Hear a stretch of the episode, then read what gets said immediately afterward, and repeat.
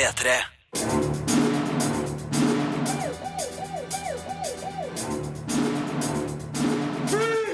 Filmpolitiet! What's name, dude? Birger Vestmo. Kind? For et program i dag. Tim Burton viser seg igjen som en visuell eventyrforteller i premiereklare Miss Peregrines Home for Peculiar Children. Jeg anmelder filmen. Burton skal fortelle hvorfor han falt for boka den er basert på, og skuespillerne Eva Green, Asa Butterfield og Ella Pernell skal fortelle hvorfor de elsker å jobbe med den legendariske regissøren. Ellers anmeldes den norske dokumentaren Med hjertet i dansen, den amerikanske dokumentaren Wiener, den franske filmen Marguerite og Woody Allens siste verk Café Society, samt Sarah Jessica Parker-serien Divorce, som starter på HBO Nordic på mandag. Filmpolitiet anmelder film. Follow me. There's something I need to show you. But you have to promise not to run away. Tim Burton viser seg igjen som en svært visuell eventyrforteller i Miss Peregrines Home for Peculiar Children. Skrekken blir aldri for skrekkelig. Det her er tross alt tilpassa yngre kinogjengere, men filmen byr på flere marerittaktige bilder som gir eventyret mørke drag. Historien som fortelles er merksnodig og fantasifull, men den emosjonelle slagkraften er slapp. Miss Peregrines Home for Peculiar Children blir derfor aldri fantastisk, men er likevel et passe underholdende eventyr. Air. It's my peculiarity. Because our abilities don't fit in the outside world. We live in places like this. Hovedpersonen er den amerikanske tenåringen Jake, spilt av Asa Butterfield, som har et nært forhold til bestefaren Abe, spilt av Terence Stamp. Etter en dramatisk hendelse drar Jake til Wales for å finne svar på et hjem for barn med spesielle begavelser, som bestefaren en gang bodde på. Det viser seg at det ligger i ruiner etter bombing under andre verdenskrig, men dets beboere fra den gang dukker opp og tar Jake med gjennom en tidsport til 1943. Det skal vise seg at flere er på jakt etter hjemmet, dets plass i tida og dem som bor der. I knew you were one of us when you were born.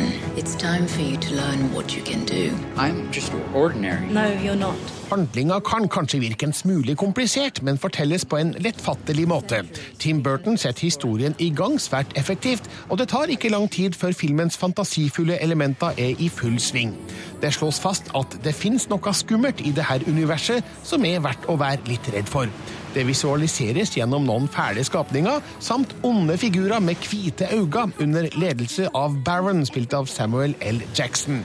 Det er kanskje ikke radikalt nytt, men det fungerer helt greit til å skape snill skrekk for alle over tolv år, som er filmens aldersgrense.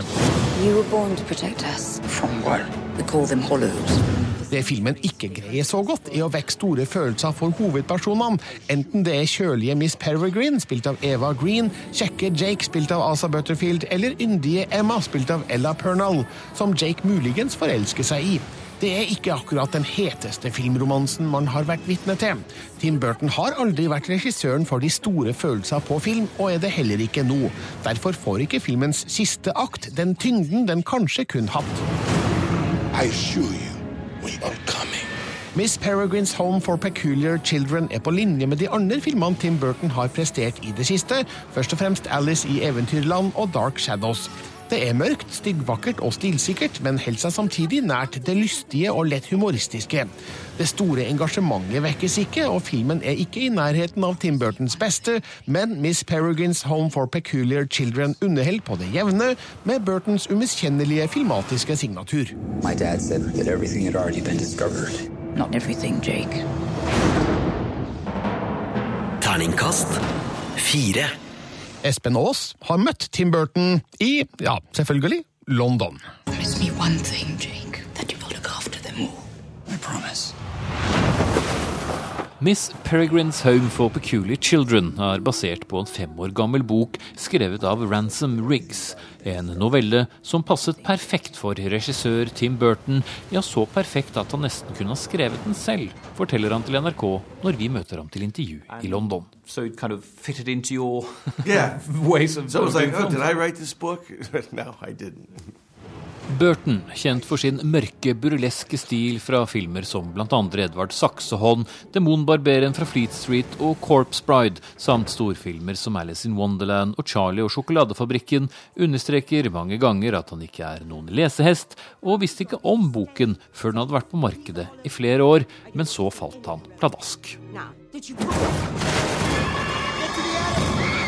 Then I read the book and all the themes about feeling peculiar and being a teenager where you don't feel like you fit into your world and you're seeing things that are maybe there, maybe not there.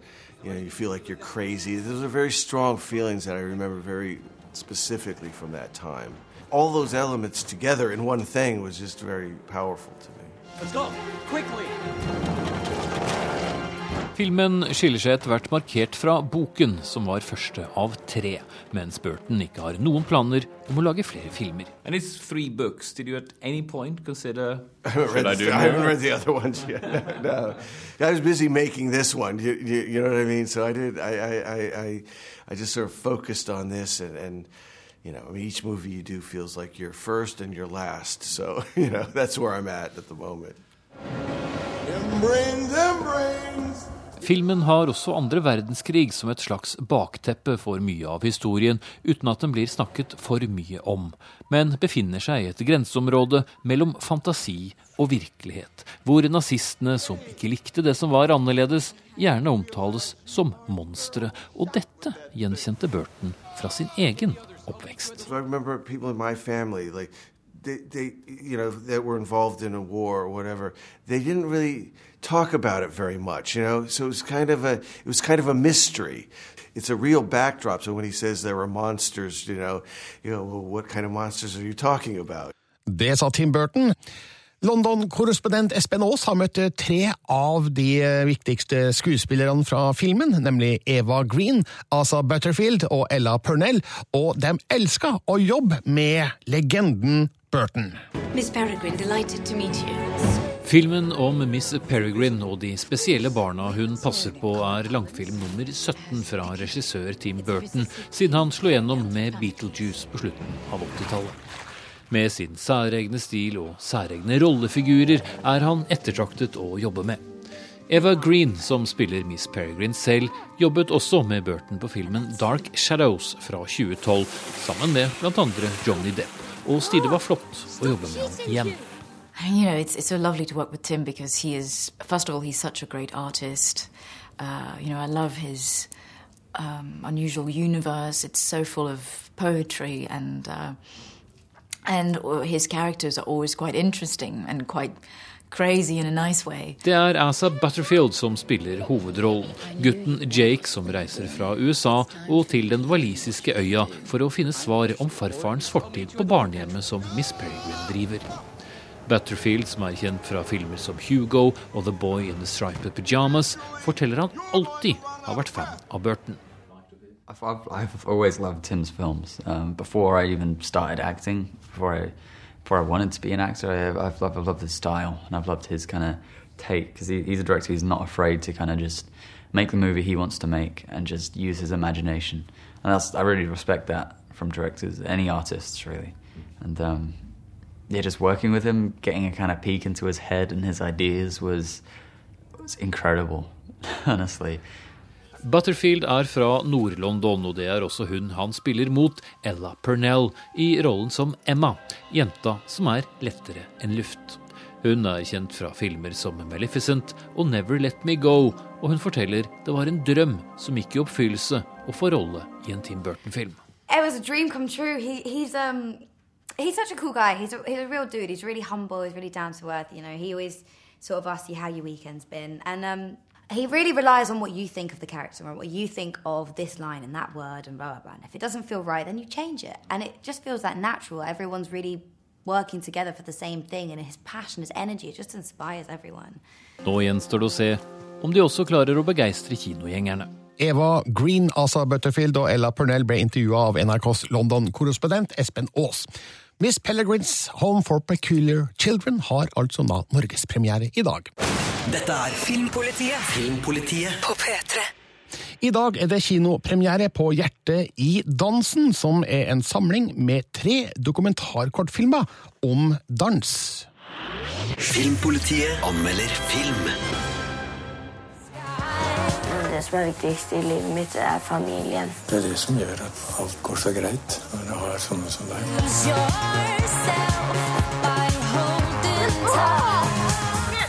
Oroa deg ikke. Nå blir så arg på meg selv for jeg jag vet at jeg kan. Ja, Marte Hedenstad, du har sett med hjertet i dansen. Og hvilke historier er det som fortelles her, egentlig? Ja, Det er altså historien om tre forskjellige jenter. En fra Russland, en fra Sverige og en fra Norge. Natsja, Ruth og Vilde. Eh, Og det er da laget tre forskjellige dokumentarfilmer om disse tre jentene. Eh, Natsja hun er en russisk ballettdanser, en veldig ung en sådan, og vi får se hvordan hun eh, må jobbe veldig veldig hardt og bli presset veldig hardt på en russisk ballettskole. Eh, Ruth driver med cheerleading, eh, mens Vilde driver med halling. Eh, Så det er da på en måte tre forskjellige dokumentarfilmer som forteller litt om altså, hvilken plass dansen har i livet da, til disse tre jentene. Ja, Syns du Med hjertet i dansen funker som barnefilm, eller er den laga for et annet publikum? Ja, altså Den er jo da et forsøk på å lage dokumentarfilm for barn. Eh, og det syns jeg fungerer ganske fint. Jeg tror at eh, barn som er interessert i dans, vil like dette. Eh, men jeg har et ganske stort problem med at den delen fra Russland er dubba til norsk. Eh, det er ikke veldig veldig godt gjort, og jeg tror nok at den målgruppa kan lese. Jeg tipper den er for sånn type ti år og oppover, selv om den er tillatt for alle. Så det ødelegger lite grann, men det er tre fine historier som fortelles her. Spesielt eh, den siste om Vilde, eh, som er en nydelig fortelling om hvordan hun og bestefaren eh, egentlig har et eh, fint, sånn fortrolig forhold. da. Ja, Den så jeg faktisk eh, alene på kortfilmfestivalen i Grimstad i juni. Rørende saker. Mm, virkelig. Eh, Men eh, det er altså tre eh, forskjellige episoder i denne mm. dokumentarfilmen. Funker de egentlig sammen? Eh, altså, alle handler jo på sett og vis altså, om dans, og på, på den måten så fungerer det. Det er ganske sånn forskjellig visuelt uttrykk. Den eh, kortfilmen fra Russland er veldig sånn visuelt vakker. Det er veldig kaldt og pene bilder og sånne type ting. Eh, og mens den fra den fra Sverige er en litt mer sånn straight forward dokumentarfilm med intervju med Ruth og forteller om hvorfor hun liker cheerleading og litt mer sånn. Eh, og, og den delen med Vilde handler jo nesten egentlig mer om forholdet hun har til bestefaren enn om dansen, da. Eh, men jeg syns det fungerer eh, fint sammen. Eh, hadde det vært opp til meg, så hadde Hvis det bare hadde vært den delen om Vilde jeg skulle anmeldt, så hadde det fått terningkast seks, men det blir ikke helt så bra, da.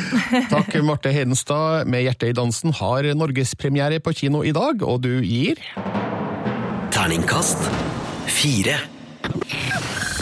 Les mer om film, spill og serier på p3.no Filmpolitiet. Filmpolitiet anmelder film. Why are they filming you? I don't know. I, I, most of the time, I don't know why they're filming. Are you somebody I'm supposed to know? Dokumentarfilmen Wiener er som virkelighetens Veep, House of Cards og The Thick of It i én pakke. Regissørene Josh Kriegman og Ellie Steinberg har fått en helt eksepsjonell tilgang til en amerikansk politiker midt i stormen og et ekteskap i krise. Det som skjer underveis, får publikum til å vekselvis riste på hodet over hovedpersonens dumskap og føle medynk og sympati med hans stadig større problemer, som bare vokser i omfang og absurditet. Wiener er et nært og nådeløst blikk bak kulissene i en amerikansk valgkamp. A photo of an anonymous man's bulging underwear was tweeted from Congressman Wiener's account. Hovedpersonen er Anthony Weiner, som måtte forlate Kongressen i 2011 etter å ha sendt slibrige meldinger til en kvinnelig tilhenger. Filmteamet følger han i 2013, når han stiller som borgermesterkandidat i New York. Det som kanskje var ment å skulle være historien om et comeback, blir i stedet noe annet når flere tilfeller av sexting avsløres underveis. Situasjonen tilspisser seg både i valgkampen og på hjemmebane, der kona Huma Abedin, en av Hillary Clintons viktigste medarbeidere, ser både sitt private og profesjonelle liv bli dratt ned i søla av ektemannens dumheter.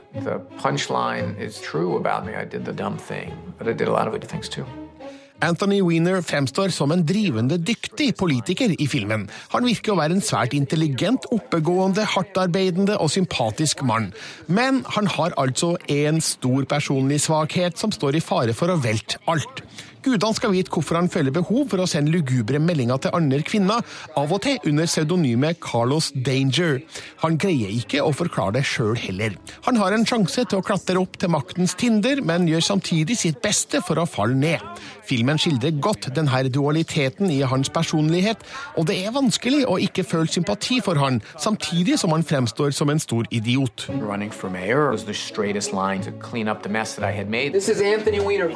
Graden av ærlighet og oppriktighet i filmen er overraskende. Denne åpenheten ville ha vært utenkelig for en norsk politiker. Regissørene Josh Kriegman og Elise Steinberg fungerer som flua på veggene og gjør at publikum føler seg som en del av denne dødsdømte valgkampen. Vi får se hvordan det er å befinne seg midt i stormen, hvordan media er som gribber som venter på å kunne kaste seg over den råtnende skrotten, og at politiske og personlige allianser er skjøre og omskiftelige. Winner er en tragikomisk historie fra virkeligheten som knapt kun vært dikta opp. Det er en svært interessant dokumentarfilm som er både pinlig, morsom, trist, spennende, underholdende, oppløftende og nedslående. Alt på én gang. This is the worst. Doing a documentary on my scandal. Terningkast fem. Marte Hedenstad, velkommen tilbake inn i studio. Takk for det. Det skjer ting ute i verden på filmfronten som interesserer oss veldig. Absolutt. Og da er stikkordet Blade Runner. Ja, det er jo en legendarisk eh, science fiction-film som skal få en eh, oppfølger mange, mange år senere. Ja. Eh, og nå har det da rett og slett denne uka, eh, ganske nøyaktig ett år før filmen skal komme på kino, eh, blitt sluppet eh, tittelen på filmen. Og den skal rett og slett het Blade Runner 2049. Ja. Og de som har sett filmen, eh, skjønner jo at eh, det er årstallet det er snakk om. Mm. Fordi den forrige filmen fra 1982 den foregikk i det herrens år 2019. Eh, litt usikker på om vi rekker å nå frem til teknologien fra filmen eh, på de åra som står igjen her nå, men uansett, det er 2049 det er året der den nye handlinga skal foregå. Men vet vi nå om handlinga? Eh, Vi vet veldig lite om handlingen, egentlig. Eh, Vi vet at, eh, at eh, vi skal få tilbake den godeste mm, Harrison Ford. Harrison Ford. Eh, Men så også vet vi også at Ryan Gosling eh, skal være med her, og Jared Leto. Eh, Men det er jo ikke sånn kjempemasse som har blitt eh, sluppet eh, om eh, handlingen, egentlig. Så vi må egentlig vente i spenning, som så mange andre. Det ble utgitt et bilde i går som er Mhm. retweeta. Fantastisk bilde av eh, Dennis Villeneuve, den nye regissøren. eh, Ridley Scott, den gamle regissøren, som er med som produsent. Og Mhm. Harrison Ford og Ryan Gosling. Så Men ingen bilder fra filmen har kommet ennå. nei, det, det er vel ikke så mye å vise fram ennå, da. Men om ett år, Blade Runner 2049, det blir en av 2017s største filmer for min del. Forhåpentligvis, da. Ja, det kan bli den største eller den største skuffelsen. Hvem vet? Er skummelt det her. En annen film som en del kanskje har visse forventninger til, er stand-alone Star Wars-filmen om Han Solo. Ja, ikke sant? Det er jo da han godeste Olden Ehrenreich Aner ikke hvordan jeg uttaler det, som skal spille see, den unge Anne Hansson Klo. Jeg sier Olden Aaron Reich. Olden Aaron Reich. Ok, vi går for den, er det lettere. Eh, Han skal spille Han Solo, eh, men han må jo ha en kvinnelig motpart, selvfølgelig. Og Ja. jakten den er i god gang. Eh, Og nå denne uka her så har det kommet frem at Tessa Thompson, kjent fra Thor Ragnarok, og Zoe Kravitz, kjent fra Mad Max Fury Road og Divergent-filmene, og Naomi Scott fra den nye Power Rangers-filmen er på blokka da, for uh, å spille den kvinnelige motparten. Smak på den, den nye Power Rangers-filmen. Ja, det. Jeg bare si det. Jeg vet. Og, og Tessa Thompson er kjent for Thor Ragnarok, som ikke har kommet ennå. Ja, eh, så hun er en, et nytt navn. Eh, Men det som er litt interessant, er at vi vet jo ikke hvilken rollefigur eh, denne da kvinnelige rollefiguren egentlig er. Nei. Men det ryktes om at det kanskje kan være Han Solo sin første kone. Aha! Eh, Og hvis det stemmer, så skal den personen visstnok da hete Sana Solo. Som er jo Nei, det, det må være kødd! Det må være kødd! Det er det riktig sier. Så en fin, herlig sånn eh, vitamindrikk for barn er det som er på jakt etter i Star Wars-universet. Vi skal se på flere nyheter fra filmens verden, og en ny Wolverine-film er under planlegging, Marte Hedenstad. Ja, og den uka her så ble det avslørt eh, eh, hva filmen skal hete, og den skal rett og slett hete Logan. Og Så kom det også en eh, plakat eh, ut eh, sammen med denne annonseringen, eh, hvor vi ser da hånda til Wolverine, som holder i en bitte liten barnehånd. Ja, er det, er det en sønn eller en datter? Ja, altså i, eh, i tegneserien så er det en eh, tegneseriegreie som heter Old Man Logan, eh, som er en sånn Det er så masse forskjellige tegneseriehistorier og blader i, dette universet her, men Ja. det er en eh, serie som heter Old Man Logan, som foregår litt lenger frem i tid, hvor eh, Logan har fått barn osv. Så, videre. eh, så det virker som om at det kanskje er det her som Logan skal handle om. Eh, og The Rap har også fått litt sånn drypp om hva filmen skal handle om, og her står det at den handlingen foregår i 2024. Filmen er mørk, mørkere enn noen annen Wolverine og X-Men-film. Eh, Logan drikker og ser ganske dårlig ut og har rett og slett ganske sånn ræva, eh, melder det rap, da. Eh, sånn at det kan virke som at det er da The Old Man Logan som er tegneserien som skal filmatiseres neste gang eh, fra X-Men-universet. Og for de uinnvidde så er altså da Logan Wolverines Ja. navn. Ja, hvis dere ikke skjønte det. Beklager. Ja, men eh, det er vel um, veldig mange som har sett Wolverine eller X-Men og Ja. vet at eh, Logan er Hugh Jackmans rollefigur der. Mm. Eh, Vi skal forlate film og over til spill, og um, det vil si vi skal gjøre begge deler, da, fordi Mhm. Gears of War 4 driver du og spiller akkurat nå. Ja, eh, det kom i dag, og jeg skal eh, gi min anmeldelse over helga på det. Og for de som ikke kjenner Gears of War-serien, så er det eh, en sånn science fiction-serie med veldig mye store våpen, veldig mye testosteron oh, og ja. ganske mye vold. Det er en god spillserie, og i forbindelse med lanseringen eller av det fjerde spillet i rekka, da, så har det nå blitt avslørt at Universal skal lage en film fra det universet her. Så det tror jeg kan bli veldig spennende. Det er jo ikke alltid eh, spill på film eh, blir så bra. Nei, jeg kjenner jeg er litt skeptisk. Jeg husker, jeg husker Doom. Ja. Jeg husker uh, Halo-filmene har jo heller ikke akkurat blitt kjempestore suksesser. Ja, nei, det, det har jo ikke ak- akkurat det, men for eksempel eh, Warcraft-filmen som kom uh, nå, den var jo ikke så verst. Nei, den var jo konge! Ikke sant? Det var good shit. vi satser på at Gears of War-filmen blir like bra som den. Takk skal du ha, Marte. P3. Den franske filmen Marguerite er inspirert av den sanne historien om Florence Foster Jenkins, en operasangerinne som ikke kun synger. Marte Hedenstad syns franskmennens franskmennenes vri på fortellinga har gjort det til en fin og underholdende film. Filmpolitiet anmelder film.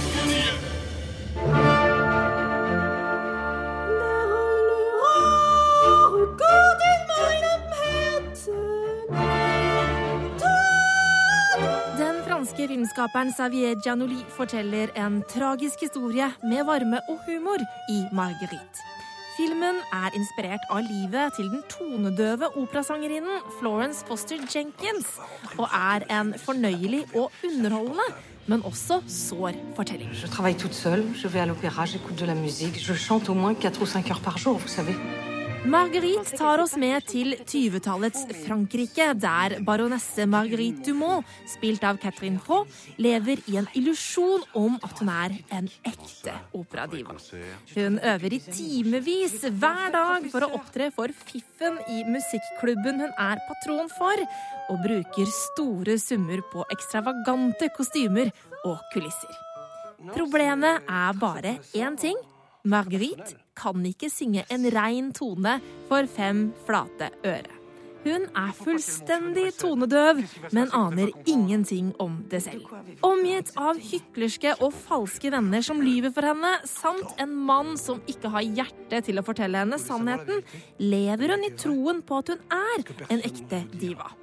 Så bestemmer hun seg for å opptre på en offentlig scene, noe som er dømt til å ende med latterliggjøring og ydmykelse.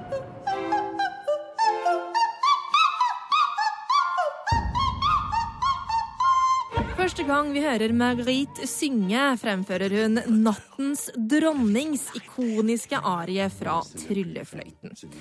Jeg er litt usikker på om Mozart ville grått eller ledd om han hadde hørt det, men selv så syns jeg at det var fryktelig morsomt. Det hadde derfor vært lett å latterliggjøre Marguerite, for det er jo ingen tvil om at hun er tåpelig når hun med den største innlevelse og engasjement synger kjente arier som ei kråke. Men det er ikke det regissør Xavier Giannoli prøver å oppnå, og det er heller ikke det filmen formidler. For det er ikke Marguerite som hånes i filmen. Det er den hyklerske overklassen. Je veux plus vous entendre. Enfin, chanter, mais je veux plus vous entendre. Marguerite fremstår på sin side som en ensom kvinne som forsøker å bli sett, og Katrin Frotts følsomme spill og blikk maner frem en stor sympati for rollefiguren.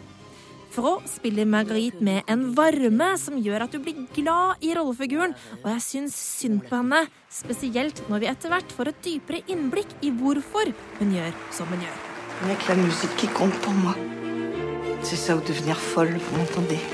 Det er en tragedie som fortelles i Marguerite, men regissør regissør Janoli utforsker temaet bare halvveis og holder oss hele tiden på overflaten.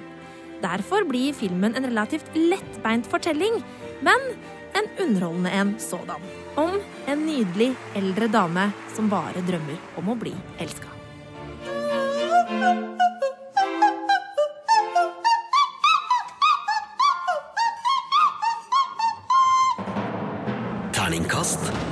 Fire. Den franske filmen Marguerite, basert på livet til den amerikanske liksom-operasangerinna Florence Foster Jenkins. Verdt å merke seg er det at amerikanerne har laga sin egen film basert på hennes liv. Den heter Florence Foster Jenkins og får norgespremiere 4. november. Café Society, signert Woody Allen, har premiere i dag. Filmpolitiet anmelder film. Christ, man, it's all about ego. This whole town runs on ego. Yeah. Woody Allens nye film Café Society er en søt, hyggelig og harmløs liten historie om romantiske forviklinger. Det er òg en nostalgisk hyllest til 1930-tallets Hollywood, med sine fasjonable filmstjerner og mektige bakmenn. Allens fortellerstil spriker litt i flere retninger og gir en usammenhengende helhet med noen sidespor som tar fokuset vekk fra historiens kjerne. Men Café Society er aldeles nydelig filma av den gamle mesteren Vittorio Storaro, med skamløs bruk av de sterkeste Technicolor-fargene du kan tenke deg, med kjærlig gjenskapt mote og omgivelser, og med sympatiske hovedroller som tar igjen på sjarm det de mangler av dybde. Welcome to Hollywood. Hey, pal, you bored already? I'm kind of half bored, half fascinated. Bobby, spilt av Jesse Eisenberg, flytter fra New York til Los Angeles, der han håper å få jobb hos onkelen Phil, spilt av Steve Carell, som er sjefen for et agentbyrå for filmstjernene. Der introduseres han for sekretæren Vonnie, spilt av Kristen Stewart, som viser han rundt i byen. De tilbringer stadig mer tid sammen, og Bobby forelsker seg, men det skal vise seg å ligge skjær i sjøen, som vil gjøre kjærlighetslivet komplisert. Are there more beautiful girls in Hollywood or New York? Why? Is that how you'll decide where you'll live? Woody Allen sjøl har fortellerstemme i deler av filmen, og setter tonen for sekvensene han innleder. Café Society har en rolig og avbalansert atmosfære, som gir figurene tid til å puste mellom hendelsene. Det er òg en passende arena for Allens sedvanlige lune humor, som er veldig prega av hans jødiske oppvekst i New York. Man ler kanskje ikke himmelhøyt av vitsene og de pussige situasjonene i denne filmen, men det humres støtt og stadig. Listen, so talk. Jesse Eisenberg og Kristen Stewart er en god match i hovedrollene. Man føler båndene som knytter dem sammen, og vennskapet som etter hvert glir over i kjærlighet, skildres i flere vakre scener der Woody Allen utviser god smak og fortellerevne. Senere i filmen er det mange andre figurer som introduseres og tar fokuset i større eller mindre grad, og det er litt synd at ikke Bobby og Vonnie vies mer oppmerksomhet.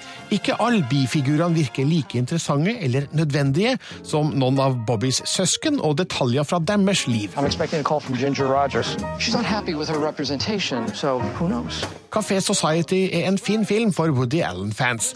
Formmessig ligner den mye på ting han har gjort bedre før. Det er ikke ofte Allen overrasker med nye sprell, han holder seg til det han kan, som kanskje er det som gjør han i stand til å levere én ny film hvert eneste år. Kanskje er det her det beste man har lov til å forvente fra en snart 81 år gammel manusforfatter og regissør. En ny hærskare av tilhengere får han nok ikke med denne filmen, men Café Society holder en kvalitet som er godt over middels. Life is a comedy written by a sadistic comedy writer. Terningkast fire. På mandag returnerer sex- og singellivsstjerna Sarah Jessica Parker til TV-skjermen etter tolv år. Nå har hun gått fra sex- og singelliv i storbyen til middelaldrende middelklasseliv i forstaden. Divorce heter serien. Filmpolitiet anmelder TV-serie. I want a divorce. Are you drunk? You are gonna get cock-fucked on this, Robert. I am worried about you. I packed your essentials for you. You packed a mini suitcase and a grocery bag full of bras. You're welcome. Eh, Marte Hedenstad, du har sett seks av ti episoder av eh, Divorce, som starter mandag på HBO Nordic.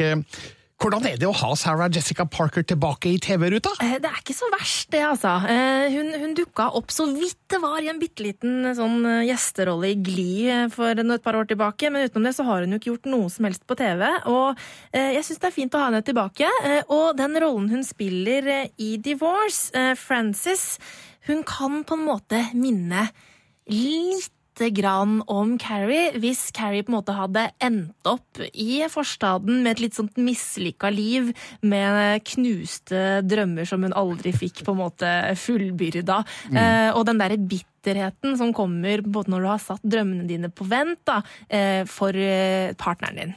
Eh, Divorce tilhører en sjanger som har blitt eh, veldig populær de siste årene, nemlig eh, dramedie. Ja, det er jo et litt sånn tullete ord, kanskje, men, men eh, det er den der mellomtingen mellom eh, drama og komedie. Eh, for jeg syns Divorce eh, den, den omtales som en komedie av Ja. HBO, men det er jo et drama eh, som handler om når ekteskapet går i stykker, ikke sant? Og alt den bitterheten og jævelskapen og hevntankene og alt mulig sånt som kan oppstå da.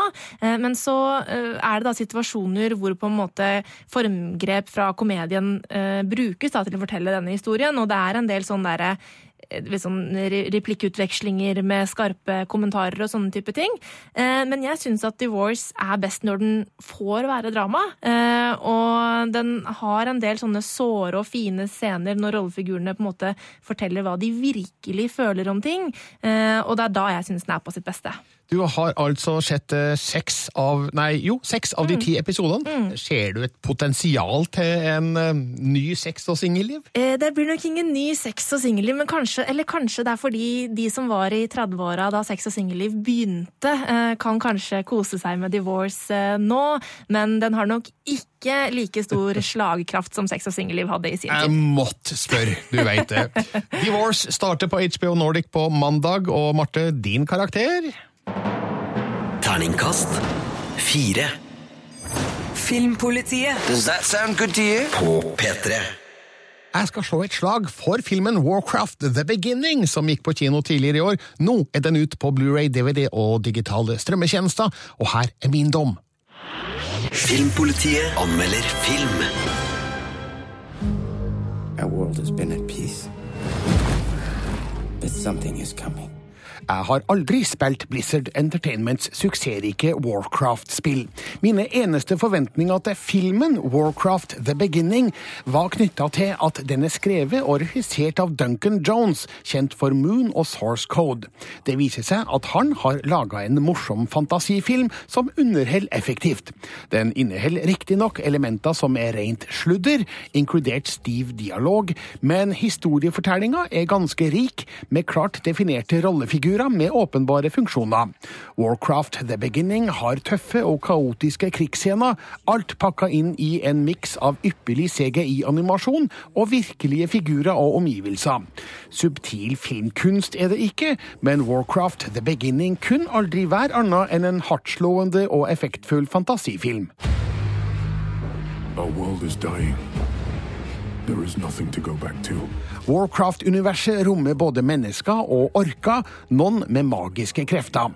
Denne filmen går tilbake til starten og forteller hvordan orkene invaderer rike Azeroth gjennom en portal under ledelse av den onde Guldan, spilt av Daniel Wu. Kong Lane, spilt av Dominic Cooper, og krigeren Anduin, spilt av Travis Fimmel, leder an i kampen mot de invaderende orkene og tilkaller vokteren Mediv, spilt av Ben Foster, for magisk hjelp. Samtidig begynner orken Durotan, spilt av Toby Kebbell, å vurdere et opprør mot Guldans lederstil. Why are you here? Filmen introduserer oss for begge leirene i starten, og gjør en god jobb med å plassere de ulike figurene før det braker løs. Ikke alle figurene er like interessante. Dominic Coopers kongeskikkelse blir for glatt og intetsigende. Travis Fimmel lykkes langt bedre som den heltemodige Anduin, med sine uttrykksfulle øyne som sitt fremste våpen.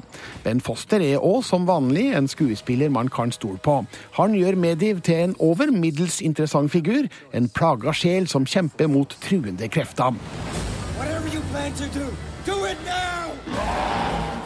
Warcraft The Beginning inneholder magikere, grønne krefter, portaler, teleportasjon, dverger, orker og enorme fabeldyr. Dem som syns slikt er tøys, kan like godt holde seg bort fra denne filmen. Men dem som har sans for denne typen eventyrfortellinger, kan se frem mot en overraskende godt fortalt historie som morer og engasjerer uten dødtid. Duncan Jones og Charles Levitts manus er ikke helt fritt for flau dialog og enkle fremdriftsløsninger. Filmen mangler òg humor, som hadde vært velkomment, men Warcraft The Beginning er likevel en solid dataspillfilmatisering med flere styrker enn svakheter. Terningkast fire. Og nå er Warcraft The Beginning ut på Blu-ray, DVD og digitale strømmetjenester. Jeg heter Birger Vestmo og er på vei ut, for Filmpolitiet er straks over. Ha en fin fredag og festlig helg! Filmpolitiet Med Birger Vestmo. NRK. NRK. P3. Hør flere podkaster på nrk.no podkast. P3.